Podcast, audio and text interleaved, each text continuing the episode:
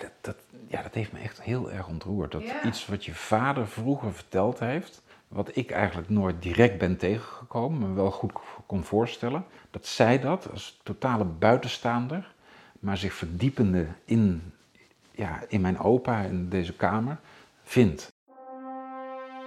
Welkom bij de podcast Het Atelier van, waarin ik ateliers bezoek van kunstenaars, vormgevers, architecten, goudsmeden en fotografen. Of terugga naar het atelier van de herinnering. Mijn naam is Hester Wandel. Ik ben kunsthistorica en museologe. En ik ben geboren in een atelier. Ateliers zijn de rode draad in mijn leven, door mijn werk in musea, maar ook het kunstenaarschap van mijn moeder. Ga je mee naar het atelier van dat gaat naar Den Bosch toe. Daar waar mijn wiegje heeft gestaan. Vandaag ben ik in Den Bosch, mijn geboortestad. Ik sta voor het huis op Sint-Jorisstraat 7, waarover je al hoorde in de podcast Het Atelier van Miep van Riesen. Als ik me omdraai en naar rechts kijk, zie ik het huis waar ik op bezoek ga. Een atelier, gewoon schuin tegenover mijn geboortehuis. Dat had ik nooit verwacht toen ik in contact kwam met de kleinzoon van de kunstenaar, kopiist en restaurator Arnold van der Laar. Die woonde en werkte daar. Die kleinzoon die ken ik van tv, want het is schilderijenrestaurator Michel van der Laar, bekend van het programma Het Geheim van de Meester. In een van de uitzendingen haalt hij in een oud atelier een flesje vernis op dat ze gaan gebruiken voor een reconstructie. Dat atelier viel me op en daaraan moest ik meteen denken toen ik een atelier zocht voor mijn podcast. Maar dat het zo dicht bij mijn verleden zou zijn, dat is wel heel toevallig. Ga je mee naar het atelier van Arnold van der Laar?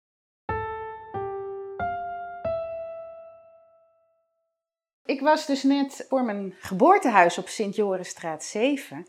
En eh, het blijkt toch aan de overkant nog Ja. een atelier te zijn. Inderdaad. Ja, en ik ben vandaag bij Michel van der Laar. En dit is het atelier van Arnold van der Laar. En die leefde van 1886 tot 1974. Dus toen ik geboren werd, zat hij hier nog. Ja. Gewoon schuin aan de overkant. Inderdaad. Ja. Nooit geweten. Ja, ja ik, we hebben hem allebei niet gekend, want hij is eh, toen gestorven en wij waren nog eh, kleintjes. Maar ik kwam hier natuurlijk als, als kind en eh, hier woonde. En daarom is het ook ja, een beetje een tijdcapsule. Zijn dochters waren niet getrouwd en die zijn niet blijven wonen. Dus Zo. het is gewoon ja, eigenlijk een beetje stil blijven staan in de tijd. En dat zie je, want nou, dit is een kamer van ongeveer 5 bij 5. Er brandt een kachel. Dus het wordt zo direct lekker warm. Het is nu nog een beetje koud. Ja, En ehm, zitten we hier op het noorden? ja quasi op het noorden. Eh, heel s'morgens vroeg eh, kom- komt er nog een zonnetje binnen, maar, ehm, Noordoosten een maar beetje. voor de rest van de dag is het, eh, ja, Ja, je zegt tijdscapsule, dat is het inderdaad. Het is nog heel ouderwets behang. Een gestuukt plafond, daar zitten allemaal dingen in. Ik neem aan om de... Ja, want we zijn dus hier de zaak aan het restaureren. Alles gaat eruit. Dit is, Oh. dit is buitenkant voor jou, want we Ja? zijn al bezig. Kijk, dat is Oh ja, eh, inderdaad, er is al een heel stuk weg Ja, van de Is dat nou die betengeling? ja, maar dat is niet zo oud hoor. Dat is uit de 70 jaren. Maar mijn tantes hebben hier dus ook gewerkt. Eh, Ja, want ik zie hier jute en... ehm, Ja. Hoe heet dat? Scha- ehm, Het behang zat daarop. ja, dit hout. ehm, het- Eh, Spaanplaat. Spaanplaat, ja. dat is en- dus uit de 70 jaar, maar dat gaan we ook terugbrengen. Want er was hier iemand van de Rijksdienst die zei: die laag waar ja, jouw tantes in hebben gewerkt, die, heeft, die moet je ook in ere houden. Dus we hebben daar een gat gemaakt, maar eh, daar, daar komt gewoon weer datzelfde spul terug. Kleur, hè, dat is een heel mooi Ja. groen, daar komen schilderijen mooi Beetje uit. olijfgroen, hè? Ja, En het behang is een eh, werkje met, eh, met fruit of bloemen, ook olijf. ja. En er is een bruine muur. En eh één muur met ramen. ja, en daar in die kasten zitten Oh, inbouwkasten. Ja. Ja. Oh jeetje. Fel rood behang. Ja, en hier liggen al zijn spulletjes, zijn flesjes, zijn potjes. Daarboven allemaal rollen papier. Het is eigenlijk de Google Images van een, eh, ja, een kunstenaar uit, eh, uit de dertiger jaren. Ja, wat, weet je wat erin zit op ja, al er die tekeningen van hemzelf, eh, Oh, kartons, geweldig. er zitten tekeningen van bevriende kunstenaars, er zitten ook kalenderplaatjes gewoon in.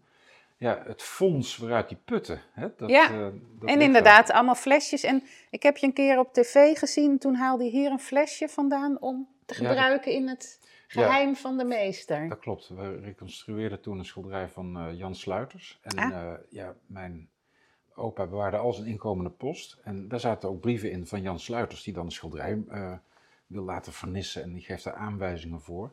Nou, die potjes stonden hier. Dus Ja, we hebben de- die reconstructie gevernist met dezelfde vernis die mijn opa gebruikte om een schilderij van Jan Sluiters te vernissen. Ja, want, Want- hij, was, hij De- was schilder. Hij was kunstschilder, ehm, op de academie eh, begonnen en hij, van hele eenvoudige komaf. Zijn, over, zijn vader was koetsier bij Jonkheer Bos van Drakenstein. Dat was de commissaris van de koning hier in het bos. Maar die woonde op kasteeltje Drakenstein, zomers. Dus daar is mijn opa opgegroeid. Dat is eh, van eh, waar Beatrix eh, Ja, dat klopt. woonde. Waar Ja. prinses Beatrix woont. En dat huis waar mijn overgrootouders wonen, dat is er niet meer. Keer geloof ik afgebrand, vertelden mijn tantes. Maar daar, we hebben dus ook nog tekeningen en schilderijtjes die hij als kind daar maakte in die bossen op de Lage Vuurse. Maar dus van hele eenvoudige komaf, maar hij gaat naar de kunstacademie. Hier Nou, in Den Bosch. Hier in Den Bosch. Maar je leest natuurlijk heel vaak dat eh, ja, burgerlijke mensen hun kinderen liever geen kunstenaar zien worden. Nee. Maar we zitten nu in de tijd van de katholieke emancipatie. Dus het was voor die eenvoudige lieden eigenlijk heel eervol dat hun zoon mee ging werken met de decoratie van al die kerken die opnieuw gebouwd Aha, voor de werden. kerk mag je wel eh, Ja, kunst precies. maken natuurlijk. Ja. Eh, muurschilderingen, kruiswegstaties, eh, al dat soort dingen. Nou, en ja, hij kon goed schilderen. Kijk eens hier, een, eh, een interieur in het huis van zijn ouders hier in Den Bosch in de Kolperstraat. Zo'n schilderijtje vind je ook in het museum in Kopenhagen of zo. Of Ja. in Aarhus. Dat, heeft iets van die Deense ja, hoe heet die kunstenaar? Schilder. Die heeft ook zo'n museum. hammerskooi, daar lijkt het op. Ja. Nee, er is er eentje in Kopenhagen die eh, ook zijn eigen decoraties maakt. eh. Nou, je hebt het Thorwaldse museum. Ja, die bedoel Ja. ik. Ja, het is, je ziet een interieur met een rode muur en een deur, een tafel en Ja. een open haard. In Kopenhagen heb je een klein museum, eh Den Hirschsprungske Sammlung. En daar vind je ook dit soort schilderijtjes. Ja. Maar hij maakt ook kopieën. Hier zie je bijvoorbeeld een schetsje voor een kopie. Op- En vanaf eh 19, dit is naar de hondenkoeter? Mhm. vanaf 1913 gaat hij het Rijksmuseum, eh, gaat hij in het Rijksmuseum kopiëren. Dat mocht toen. Jongens en meisjes zaten gewoon op zaal te schilderen. Daar Eh, zijn ook wat schilderijen van, hè? Dat je de kopiisten ziet. eh, Ja, of dat is vooral in het Louvre, denk ik. Ja, en foto's. In het Louvre mag het nog. En in de Hermitage zie je dat ook nog. Hè? En daar was ook een kopiestenregister. Want die, eh, die jongens die moesten zich aan verschillende regels houden. Die kopieën die moesten in afmeting afwijken van het origineel. Oh ja, dat je niet als... eh, Ja, dat je niet met Replica, het origineel eh, ja. naar buiten liep. Het En- grappige is dat hij dit eh, op doek heeft gemaakt en gewoon op de kast heeft geprikt. Ja, dat is het leuke, hè? dat artistieke van zijn atelier. Daar ook gewoon die schilderijtjes met punaises op de, op de, Op de deuren, muur. eh, Gewoon over geprikt. elkaar heen zelfs. Ja. In, oningelijst, maar dat zijn allemaal schetsen voor kopieën. Of eigen nee, nee, werk. dat is eigen werk, ja. De. IJzeren Man hier in Vught. En eh, daar zie je een klein boerderijtje in de, in de zomer. Hè? En wat blijkt nou? Daar zie je datzelfde schilderijtje in de winter. Oh. En dat was, en dat weet ik dus van mijn tantes en van mijn vader, dat was zijn beste schilderij. oh ja, dat Ja. is ook ingelijst. Dat is ingelijst, zit achter glas. En het hangt, heel belangrijk, in zijn atelier. Ja, Want dat gaf hem een hart onder de riem. Hè? Dus eh, gewoon doorgaan. het moeilijke werk van, van schilderijen maken, van kopiëren en van restaureren van schilderijen, kon hij daar af en toe naar kijken en dan wist hij, ik kan wel wat.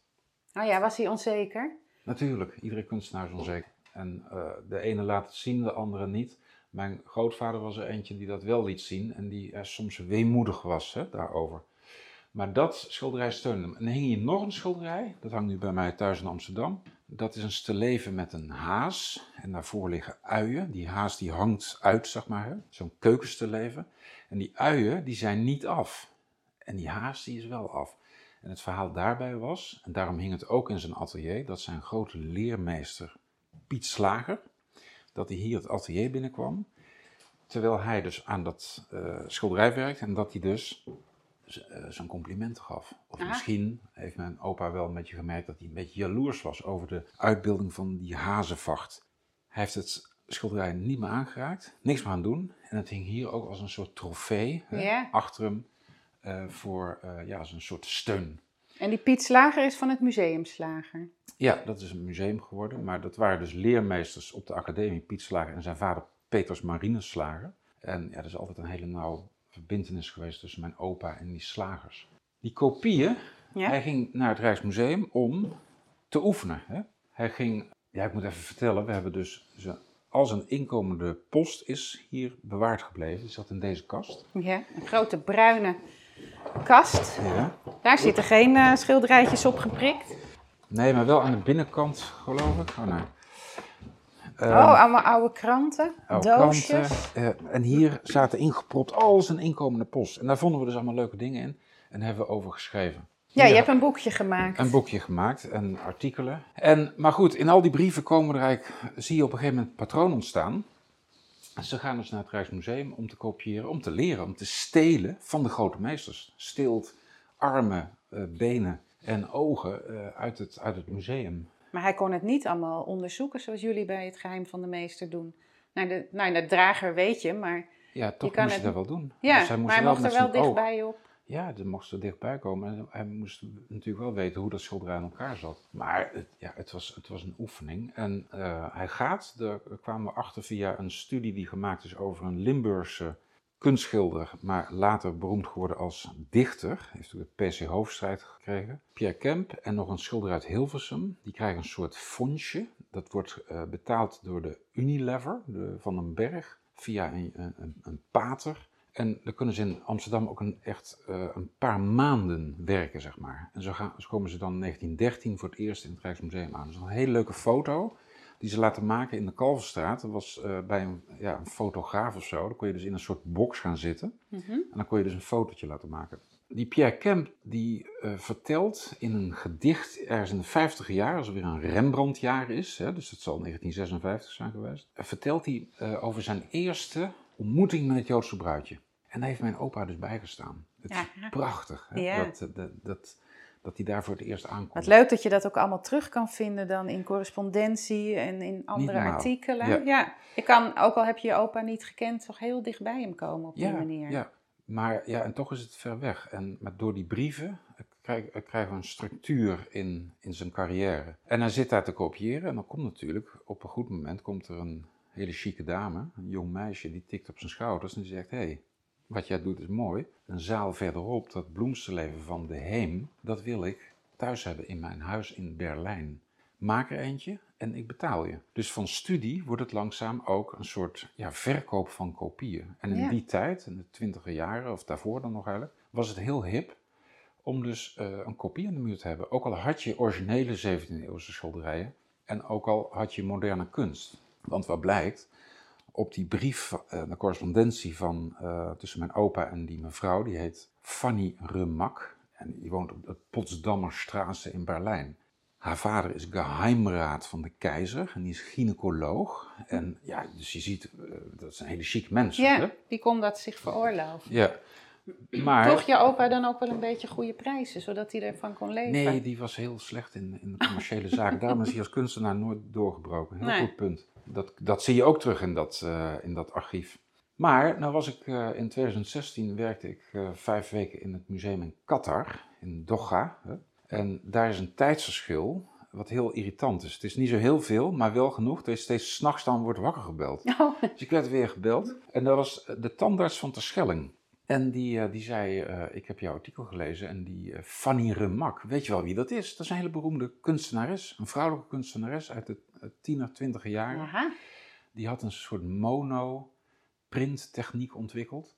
En er is over haar ook een film gemaakt, Jim et Julie. Oh. Over haar tijd in Parijs met haar vriendin. Ze was geloof ik ook lesbisch. En ja, en dan, dan, dan wordt het nog spannender. Dus echt ja, ook een moderne kunstenares Ja. een kopie wil hebben. Ja, en ze had het zo. ook zelf kunnen maken misschien. Nou ja, dat is Nou, misschien dat niet haar niet. stijl. Nee, want zij werkte echt heel modern. Wat grappig. Dus zij ziet jouw opa aan een werk werken en zegt: Ik wil een ander werk voor in mijn huis. Ja. Nou, wat bijzonder.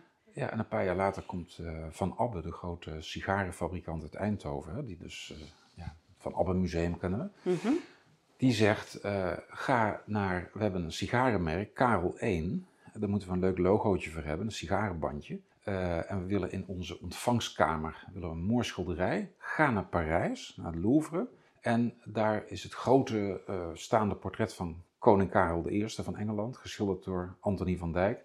Maak een kopie. Goh, wat leuk. En zo krijgt mijn opa in 1921 dan de kans om een paar maanden in Parijs te zitten. Het Mecca van de kunst. Ja, precies. En was hij toen al getrouwd? Heel goede vraag. Hij was getrouwd en had een babytje. Oh. Dat was mijn tante Dora, dat was, die was net geboren.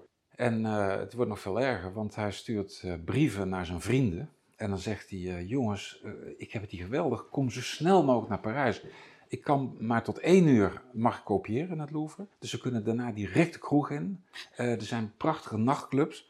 Maar die vrienden, die woonden hier in de buurt en die vertelden dat weer tegen zijn vrouw. Dus ja, dat was natuurlijk een... eh, Hij werd terstond teruggeroepen, of ja, toch niet? Ja, ja, zijn vrouw die schreef hem van, wat, wat hoor ik nou allemaal weer? Maak maar eens wat leuke schilderijtjes, eh, eh, wat Parijse stadsgezichtjes, die kunnen we hier verkopen. Want zij moest die eindjes aan elkaar... Ja, en deed hij dat? dat deed hij. En, zij hand- verkocht het dan ook wel voor hem? weet ik niet dat die, wat er van overgebleven is, is een heel mooi uitkijkje uit zijn pension in de Rue Mazarine. En dat is zo'n binnenplaats in Parijs. Ik ben met mijn vrouw daar nog wel eens wezen kijken. En het is nog precies hetzelfde. Er is alleen een soort toilettenschacht voorgebouwd. Prachtig schilderijtje.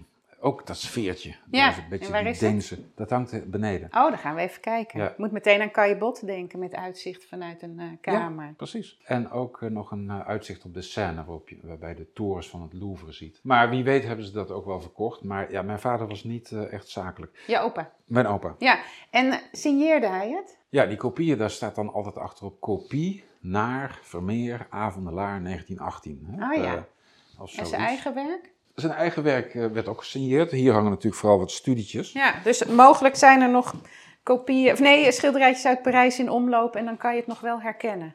Ik denk dat er niet zoveel waren, want hij ging gewoon toch de kroeg in. Ja, ja, natuurlijk, als je Ja. zo'n hele ochtend al geschilderd hebt. Ja, En als je alleen maar tot één uur mag. Maar hij was wel heel lief, want we vinden hier ook allemaal cadeautjes die hij had meegenomen uit eh, Parijs voor zijn, voor zijn eh, babytje en zo. En voor Ja? zijn vrouw. Dus, eh, Maar hoe weet je dan dat dat cadeautjes waren? Staat ja, dat dat, erop? dat staat erop. Ja, dat Ja? is opgeschreven of er zit een envelop. Of, dat, overal werd iets opgeschreven. Oh ja, dat is wel fijn. Kan je het ook goed dateren? Ja.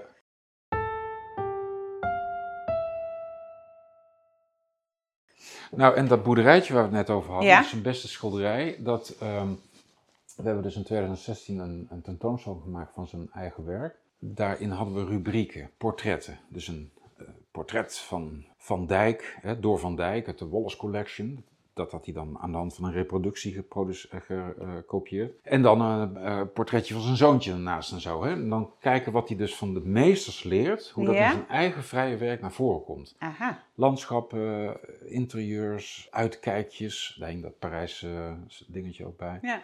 En Eh, waar zie je het in? De, de, de, hand van de meester, de leermeester. Waar herken je het? Ja, daar zie je gewoon eh, terug dat hij daar heel veel van geleerd heeft van, van het kopiëren. Hè. Dus eh, ja, een hondenkoeter, ja, dan leer je een, een vogeltje schilderen. En dan maakte hij zelf een, een klein stilleventje van een dode parkiet, hè, die aan Oh, een ja. touwtje hangt en zo. Met ook hele goede kleuren. Ja, en eigenlijk diezelfde technieken.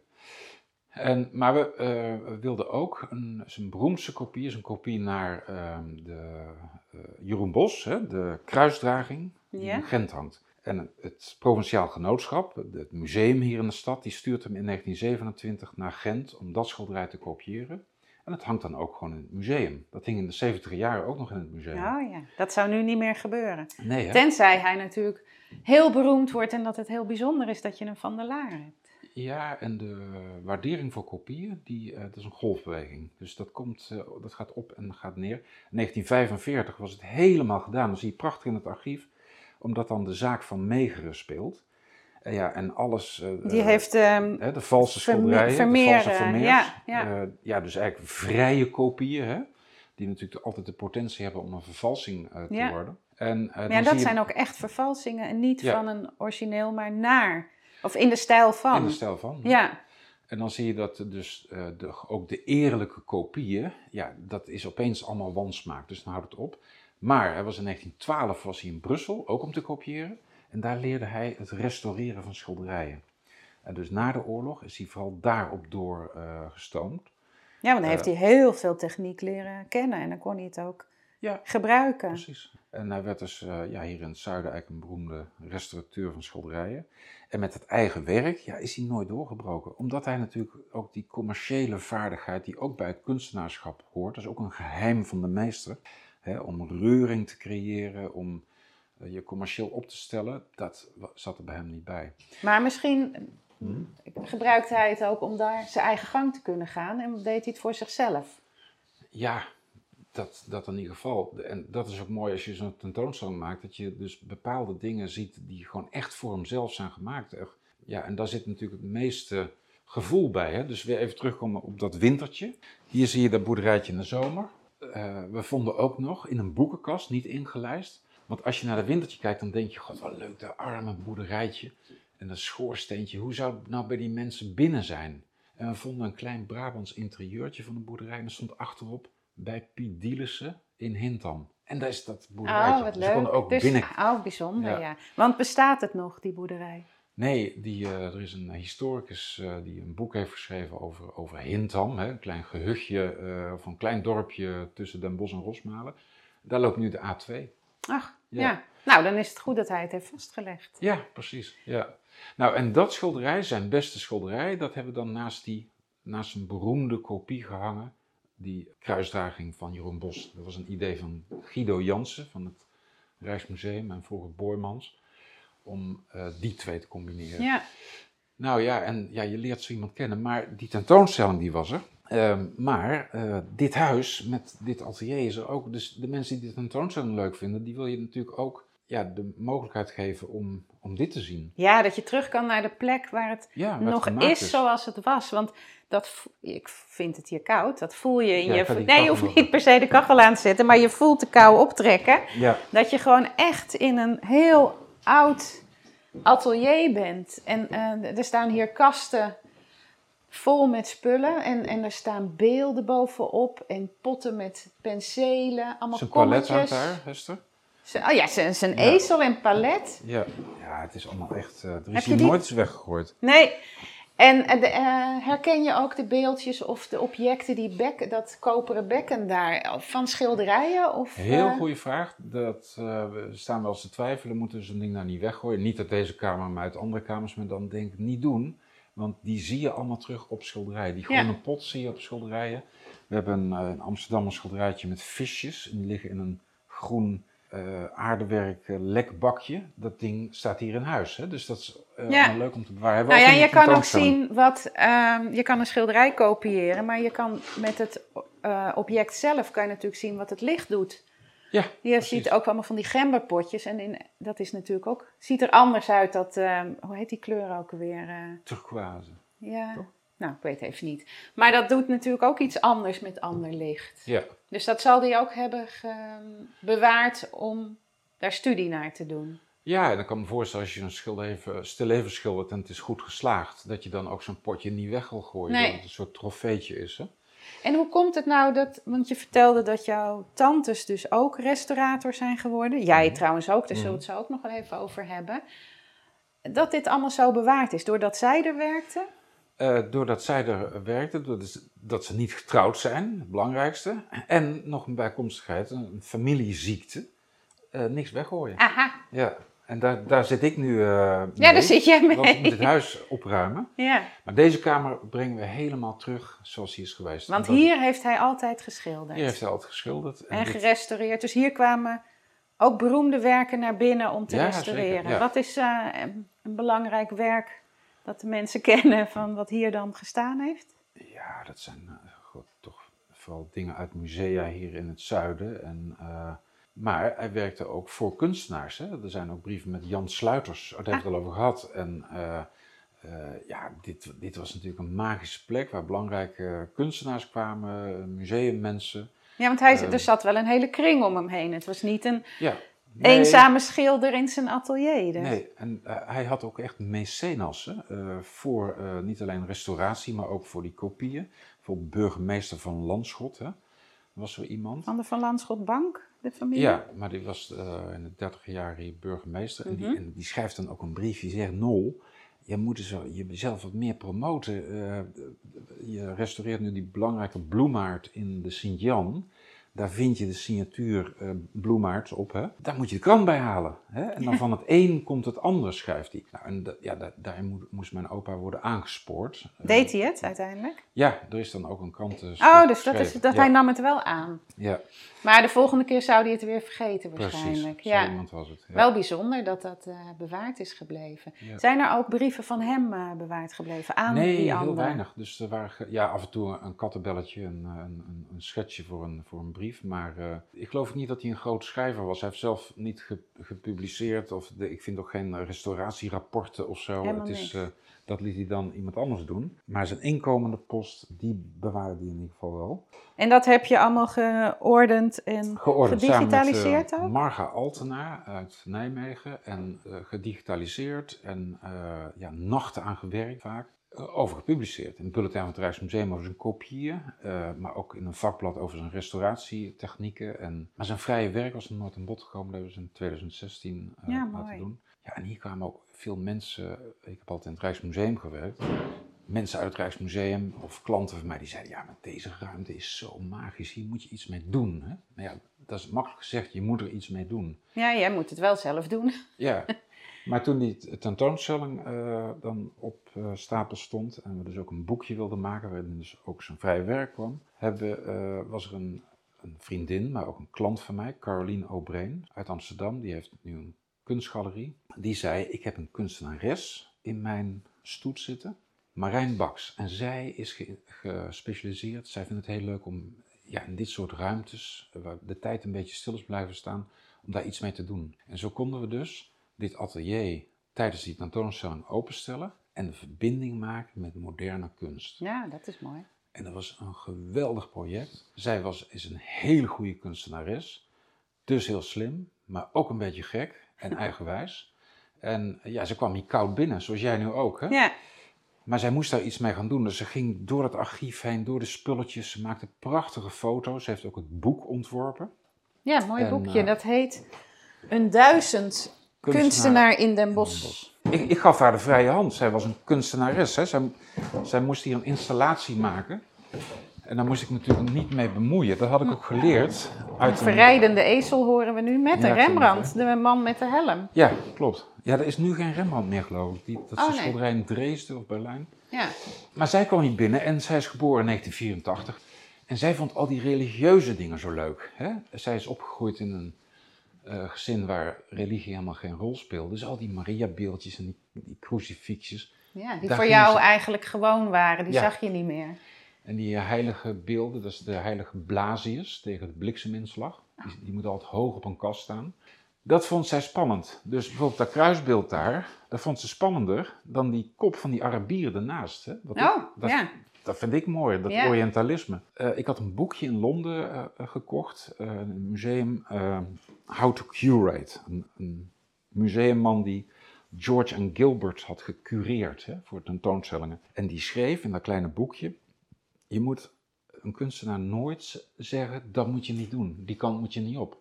Als jij denkt dat dat een doodlopende straat is, dan komt hij vanzelf terug. En zo ging het daar ook mee, want ja, die religieuze dingetjes hier in het atelier, die hebben natuurlijk niks te maken met mijn opa en zijn kunstenaarschap. Ik liet haar die, eh, die doodlopende weg gaan en ja hoor, ze kwam terug. En toen kreeg ze een geniaal idee. Een idee wat zeg maar ehm, door mijn familie, die toch eigenlijk wel ja, een beetje romantisch zijn aangelegd, nog nooit was, een link die nog nooit was gelegd. En dat is namelijk, mijn opa is er een van een tweeling. Oh, Die had nog een, een broertje, die heette Willem. Maar die ging dood toen hij drie jaar oud was. hmm. En zij ging dus, haar eh, project heette Kopie. Hè? Hier in huis ging het echt over de kopie. Zij ging een link leggen tussen dat kopiëren en het verlies van dat broertje. zo. En dat vond ik zo mooi, Ja? ongelooflijk. En toen werden we daarvoor beloond. Toen we dus dat thema, hè, wat zij had verzonnen, had bedacht. Ja, toen we die kant op gingen, toen vonden we ook overal bijvoorbeeld, nou, het is nou weg, een barreliefje met twee jongetjes. Hè, of eh, allerlei dingen die iets met tweeling te maken hadden. Ineens zie je het. Ja. Ah. En we vonden een, een geldkist waar allerlei spullen, brieven, paparassen in lagen. Er is een, een lade.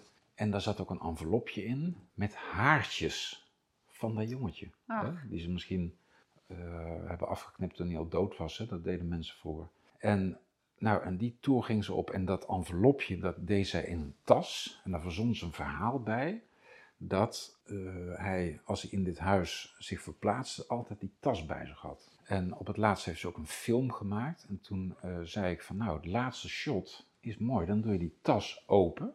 Dan zie je dat envelopje. En van mij mag je de envelopje ook nog openmaken. En dan zie je die haartjes. En toen zei ze tegen mij, nou weet ik zeker dat jij er echt helemaal niks van snapt. Oh, Ja, omdat, ja en dat is dan zo verwonderlijk, hè? maar dat, Ja. dat was dus echt, die haren waren echt. Ja. Die tas was een verzinsel, maar dat moest dus ook suggestief blijven. En ja, dat vond, vond ik ook heel ja, mooi, ontroerend. ja. Vond je het niet gek dat ze dat tegen je zeiden? Jij het niet snapte terwijl het jouw opa was? Ja, maar daardoor ook wel heel leuk. En, Ja. en, en Nou, je leert wel heel anders nog weer naar de geschiedenis kijken. Ja, En die film, is die er al? die is gemaakt. Die heeft ze ook een keer op een beurs laten zien. Maar ik geloof dat die nog niet helemaal af is of zo. Maar dat is echt een professionele film. Ze had hier ook allerlei spiegels opgesteld. Dat past dan ook in dat thema kopie en Ja. hè, tweeling. Dat is prachtig, eh, prachtig geworden. Ehm, dat, die zullen we nog wel ooit te zien krijgen. Maar ik geloof dat het nog niet helemaal af is. Mooi bij eh, als je dit atelier reconstrueert straks weer. eh, om het dan ja, te dat zou vertonen. fantastisch zijn. Ja. Mijn vader die vertelde altijd dat mijn opa eh, altijd, als hij even niks te doen had, op een eh, achterkant van een envelop of zo, de namen van steden schreef. Hij vond het fijn om mooi te schrijven. Oh ja. En dan schreef hij eh, Amsterdam, Dordrecht, weet ik veel. Den Bosch, eh, Sertogenbos. Bois-le-Duc. En toen Marijn hier bezig was, toen was ze dus, eh, maakte ze hier foto's. En dan werden die ook gedeeld. Hè? Dus alles wat zij fotografeerde, dat kwam dan op mijn computer ook voorbij. En, en zo zag ik dus plotseling, zonder dat ik haar dat verhaal verteld had, zo'n envelop met Amsterdam, Dordrecht, Rotterdam, weet ik. Nou, dat, dat, ja, dat heeft me echt heel erg ontroerd. Dat Ja. iets wat je vader vroeger verteld heeft, wat ik eigenlijk nooit direct ben tegengekomen, maar wel goed kon voorstellen.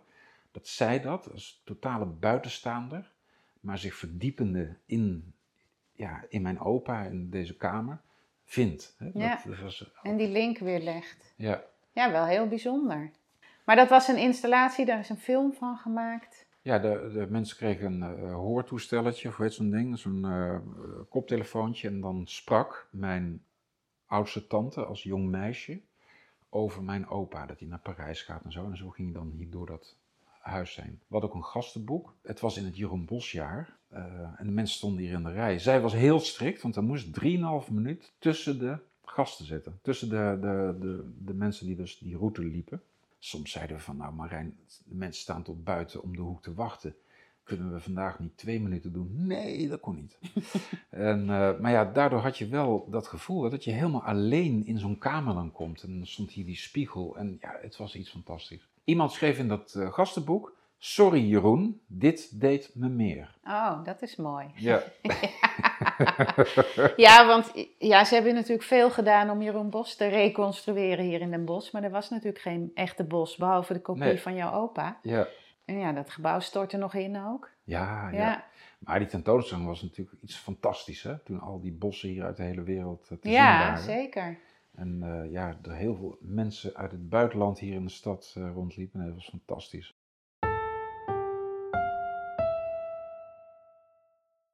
Ja, het is, het is een, eh, een magische plek, een atelier. Hè? Hier Ja. gebeurde het. Eh, daar heb ik het met Marijn Baks toen ook over gehad. Van, ja, hè, moet hier niet gewoon de apotheose van jouw tocht door het huis komen? Daar was het eerst eh, ook helemaal niet zo mee eens. Maar uiteindelijk kwamen we er allebei achter. Ja, dit is gewoon ja, het, het brain center van, van, van de kunstenaar. Dit is zijn omgeving, dit is zijn vondst, daar liggen zijn voorbeelden. Hier vindt strijd plaats waar, eh, die erbij hoort om een kunstwerk te maken. Nou ja, en de concentratie, want jouw vader deed het vak ook? Nee, mijn vader was, eh, of ja, ja en nee, die, was, eh, die heeft ook kunstacademie gedaan, maar is onderwijzer geworden en eh, leraar op een MAVO.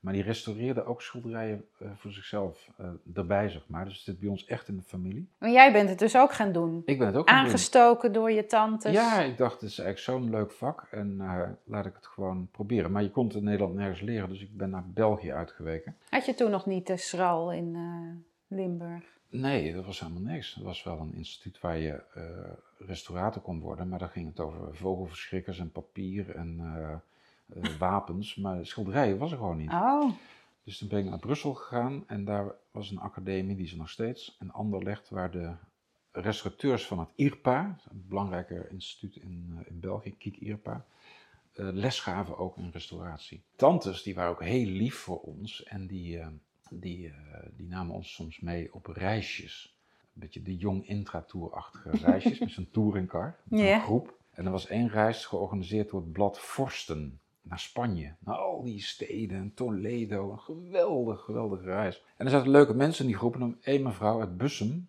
die zei... eh, God, je moet een brief schrijven naar het Rijksmuseum. Ik heb daar als kunsthistorica ook stage gelopen. Ik dacht van ja, dat is toch misschien een brug te ver voor mij. Hè? Het Rijksmuseum, zeg het, eh, hè? de grote ivoren toren. ja. Maar dat heb ik toen toch gedaan en toen eh, ben ik daar uitgenodigd en kon ik daar stage lopen bij Lutzen Kuiper. Hè, dus de beroemde restaurator van De Nachtwacht en de Liefdesbrief van Vermeer. En ehm, na twee jaar heb ik toen hier een half jaar met mijn tantes gewerkt. En toen kwam er een baan vrij, een vacature in het Rijksmuseum, gesolliciteerd, aangenomen. Ik heb er 25 jaar gewerkt. Zo. En in navolging van je opa, die begon in het Rijksmuseum. Ja, precies, in 1913. En ja, we hebben hem dus eigenlijk weer teruggebracht naar het Rijksmuseum in 1996 met een artikel en bulletin over die kopieën. Ja, mooie cirkel. Ja, zeker. Ja. Het, eh, het Rijksmuseum is toch ja, het meest betekenisvolle museum in Nederland, vind ik. En ja, daar is zoveel onderzoek te doen. Die collectie is zo enorm, de bibliotheek. Ik ben er in 2014 weggegaan. Ja, dat mis ik eigenlijk nog het ergste, die bibliotheek. Hè? Dat je Ja. dus, ehm, Maar je kan er nu als bezoeker ook gewoon... Ja, maar eh, dat doe je toch niet? Als je daar werkt, dan ga je één keer in de 14 dagen zit je een hele middag daar ja, je lijstje af te werken en boeken op te vragen. En tekeningen waarschijnlijk. Ik heb dat Ja, voor mijn studie ook, dat ja. je dan eh, de tekeningen mag bekijken. Ja. En het fijne van de bibliotheek van het Rijksmuseum is, die is niet gerubriceerd, hè, omdat die zo enorm groot is. Ieder ja, het boek heeft natuurlijk een andere afmeting, dus als het in rubrieken zou werken, dan zou het er allemaal niet in passen. Nee, Dus als jij een boek opzoekt, dan staat ernaast staat er een, ook een leuk boek hè, over Japanse prenten of wat dan ook. Dus dat is altijd kijkt toch verder, ja. ja. dat is het voordeel van live een boek uit de kast pakken Ja. natuurlijk. In plaats van in de computer. eh. Ja.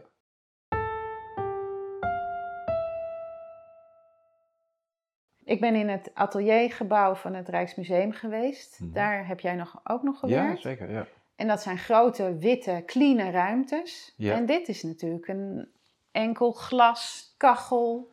Nou, enkel glas is wel een monument. Dit huis is een rijksmonument, dus er mag geen dubbel glas in. Nee. Dus het is monumentenglas. Wel een beetje isolerend, maar ja. Maar dat is natuurlijk heel... Ik zie hier wel een afzuigsysteem. Dat heb jij ja, aangelegd. Ja, dat heb ik aangelegd, maar dat gaat... eh, Want hoe is dat verschil om hier te werken en in zo'n clean ruimte? Nou ja, mijn Amst- Amsterdamse atelier is ook clean, maar niet wit. De muren zijn grijs. Kijk, een schilderij, een schilderij op een witte muur, dat wordt een donkere postzegel. Dus op zo'n mooie kleur als de groen komt de schilderij veel mooier uit. Kijk je er meer in.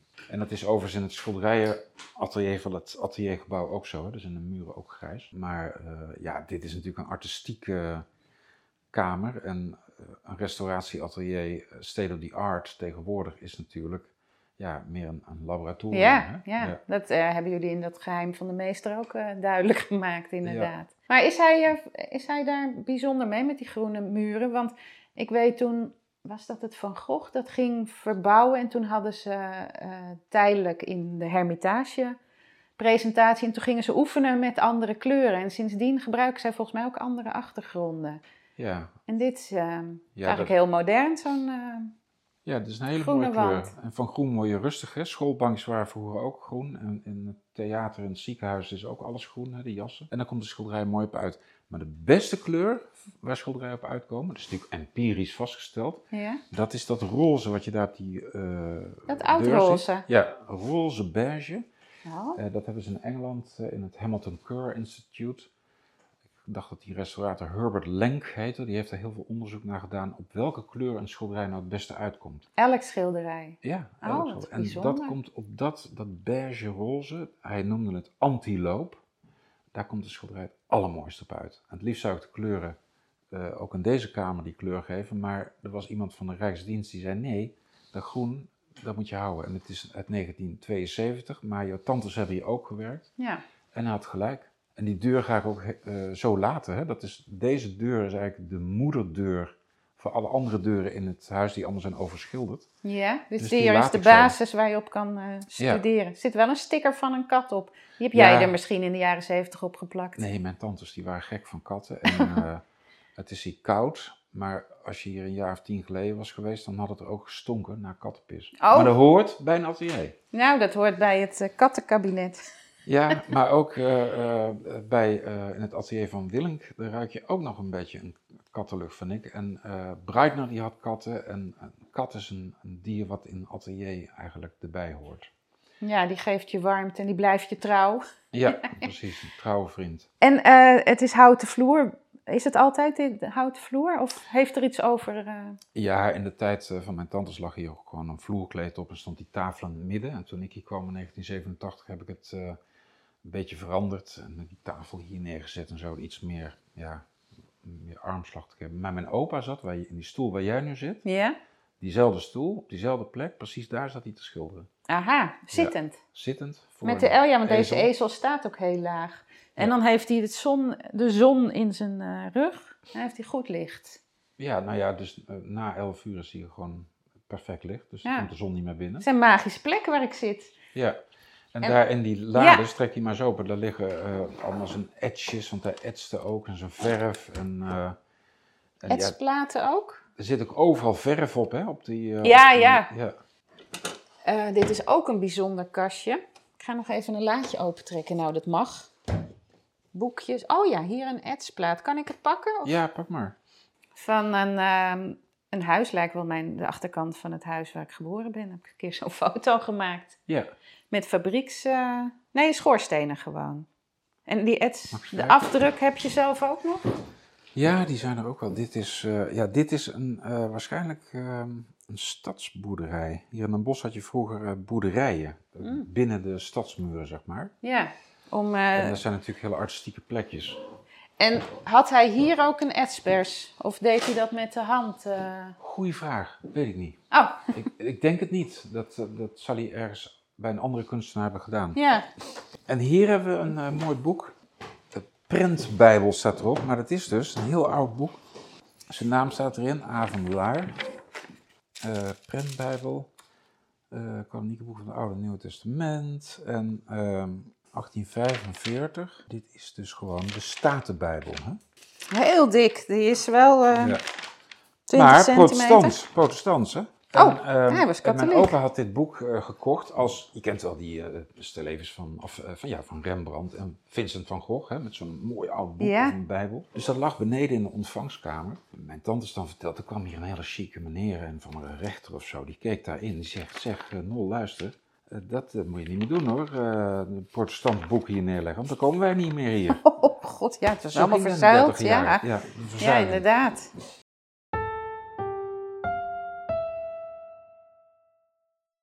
Er is zoveel te zien. Dit kastje, ook weer in een groene kleur, is een glazen kastje. Ook helemaal vol met flesjes, bekers, beeldjes, prijslijsten, serviesjes, messen, belletje. Nou, belletje, wat is dat? Ja, Maar de, de eerlijkheid gebied te zeggen dat dat ook vooral door mijn tantes. eh, ja, want ik zie inderdaad ook jaren zestig dingen. Ja. Ja, die, en hadden die eh, ook een goed lopende re- eh, restauratiepraktijk? ja, die hebben zijn werk een beetje doorgezet, maar ja, op een wat ouderwetse manier inmiddels. En toen ik het overnam, zeg maar, heb ik gezegd, nou dan moeten jullie er ook maar mee stoppen. Maar die tantes, die, een van de tantes, tante Truus, die was eigenlijk heel goed bevriend met meneer Knippenberg. En dat was een priester. Eh, een enorme auteur en eh, ja, die boeken en artikelen schreef over volkskunst. Ja, die had dan weer een artikel geschreven over bepaalde beeldjes die ergens werden gemaakt. En dan eh, in die 70 jaar had je heel veel vlooienmarkten. En toen kwam al dat soort shit natuurlijk allemaal daar terecht. En dan bezocht ze een vlooienmarkt en zei hij, hey, verrek, dit, dit beeld heb ik nog in mijn artikel niet opgenomen. Dus er is nog een nummer of weet ik wat. En dan kocht mijn tante dat. Dus het is eigenlijk een beetje een verzameling van, van mijn tante die hier ook eh, tussen is gewurmd. Een, pa- een pakje Lucky Strike sigaretten. Ja, dat is denk ik nog van mijn opa. Oh, maar er zitten papiertjes in. En een keramieke beeldje van een krab. Het is eh, een soort rariteitenkabinet. Pelikan vulpen. Wat me ook opvalt, is een hele verzameling strijkijzers. Ja, want uh, in deze kamer werd natuurlijk, als we het over restaureren hebben, Ja. werd hier geretoucheerd. Hè? Dus de, de beschadigingen werden, als het schilderij is ontdaan van vergilde vernis en opnieuw is gevernist, werden ingetipt met verf. Maar hier beneden was een kamer en daar werden de schilderijen op doek bedoekt. En dat gebeurt met die strijkijzers, hè? met Ja. was en hars. En, eh, Gewoon op de grond en erop zitten en nou, strijken. op, op een tafel. En, Oh, ik heb eh, een wandschildering heb ik ooit gezien. Gewoon waar ze op de grond zaten. Ja, omdat, bij hele eh, grote schilderijen, dat- of als dat op locatie eh, moest, dan... eh, mijn opa heeft die bijvoorbeeld in de Sint-Katrienkerk. ehm, daar hangen zes of negen hele grote schilderijen van Verhagen, een Antwerpse schilder. En die kunnen die kerk niet uit, dus die heeft hij allemaal daar bedoeld Ja. en gerestaureerd. Ja. Maar dus met gewone ouderwetse strijkijzers. ja, er was nog geen elektriciteit, dus dat moest allemaal worden verwarmd op zo'n benzinebrandertje of een olie. Ja, die staat veel. er ook. Ja, gasbrandertje. En dan ehm, eh, deden ze een nieuw doek erachter en dan met was en, en hars? Of is was het een wa- hars, ja. werd er een nieuw doek achter gezet? Ja, achtergestreken. Ja, dat was wel zijn specialiteit. Had hij geleerd in, eh, in Brussel eh, in 1912, maar dat is eigenlijk een Nederlandse uitvinding, eh, zo rond 1860, door een Nederlandse restaurator Hopman. Ja, daarvoor gebeurde dat met lijm. Dat doen ze in Engeland en in Rusland nog steeds. Maar in onze streken worden de schilderijen bedoekt met was en hars. Eh, dat is allemaal zonde, want ja, dat werd eigenlijk routinematig gedaan. Hè? Met die methode los je heel veel problemen in één keer op. Maar het is zonde, want je verliest ook een hoop eh, originaliteit. Hè? Ja, Dus en de, af- de verf wordt plat gewalst. ja, als je het niet goed doet, dan eh, kan zo'n schilderij zeg maar eh, verworden tot een soort eh, placemat. Hè? en eh, dat wil je eigenlijk niet. Maar dat was in, in die tijd was dat... Tot eh, wanneer deden ze dat? Nou, het wordt nog wel eens gedaan, maar dan is het meer dat je een oude bedoeking opnieuw aanpakt, zeg maar. Maar ja, ik zou zeggen tot de jaren, tachtige jaren, werd dat gewoon gedaan. Ja. Maar jij leerde natuurlijk dat heel anders. En wat vonden jouw tantes daarvan? Want jij ging ze waarschijnlijk vertellen van tegenwoordig Ja. doen we dat niet meer zo. Ja, zeker. En eh, allerlei nieuwe dingen. Maar bij meneer Kuiper in het Rijksmuseum werd je ook weer een beetje terug in de tijd geslingerd. Want die wilde dus niet experimenteren op het erfgoed. Wat we, waar we voor moeten zorgen. Dus die gebruikte eigenlijk ook ouderwetse materialen. Ook was en hars en eh, natuurlijke harsoplossingen als vernis. Maar nu blijkt, terugkijkend, dat al die synthetische spullen die in die tijd eh, ook gebruikt werden hè, ehm, voor het bedoeken of voor het vernissen, dat dat toch ook niks is.